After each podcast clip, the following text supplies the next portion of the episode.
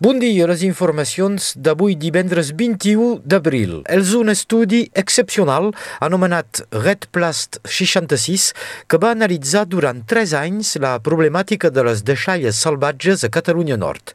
Les conclusions expliquen que cada any el riu Tet condueix més d'una tona de deixalles que floten i acaben al litoral. Aquelles deixalles són embalatges, borilles de cigarets, bocins de poliestirè i plàstics de tota mena Carolina, però no totes arriben fins al mar. Entre Perpinyà i Canet, l'estudi calcula que hi ha més de 40 tones de deixalles bloquejades i incrustades a les ribes de la Tet.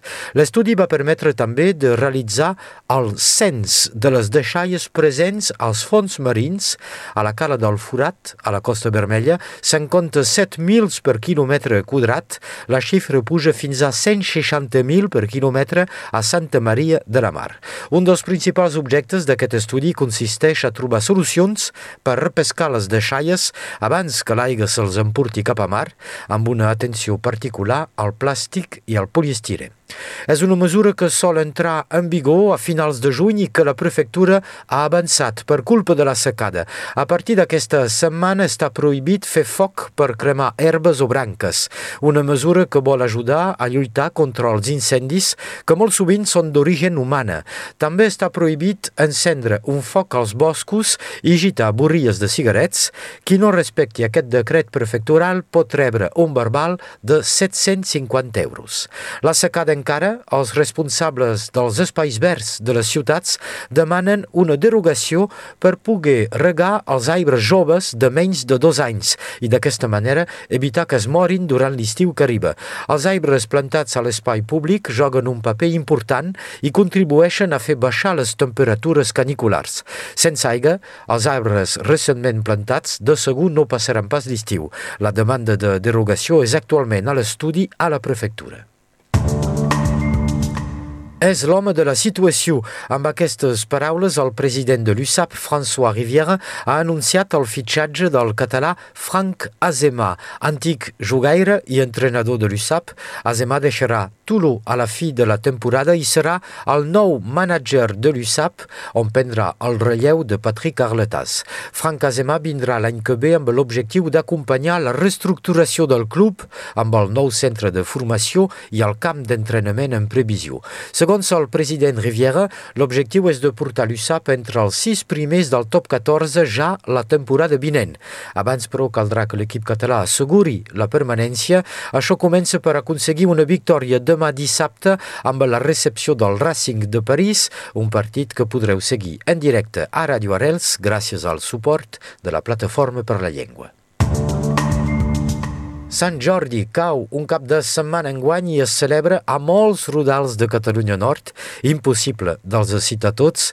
A Perpinyà diverses entitats, editorials i associacions munten una minifira del llibre al passeig de l'Avinguda Turcatis, al Baix Bernet, amb signatures, jocs de llengua, teatre, música i tast de vins.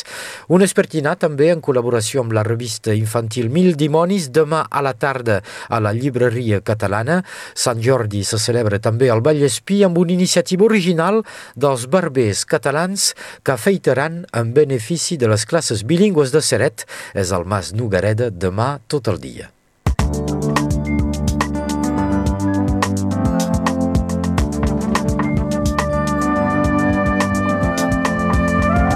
Moltes gràcies, Sebastià. Passem ara a l'informació del temps amb Meritxell Cristòfol.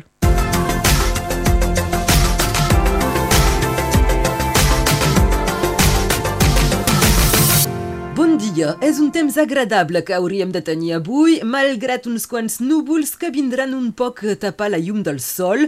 A finals de tarda el vent hauria de bufar amb un poc més d'intensitat. Es preveu ràfegues màximes de 30 km per hora a la plana del Rosselló. Es cal esperar possibles ruixats aquest vespre al Capcí, a Cerdanya i a l'Alt Conflent.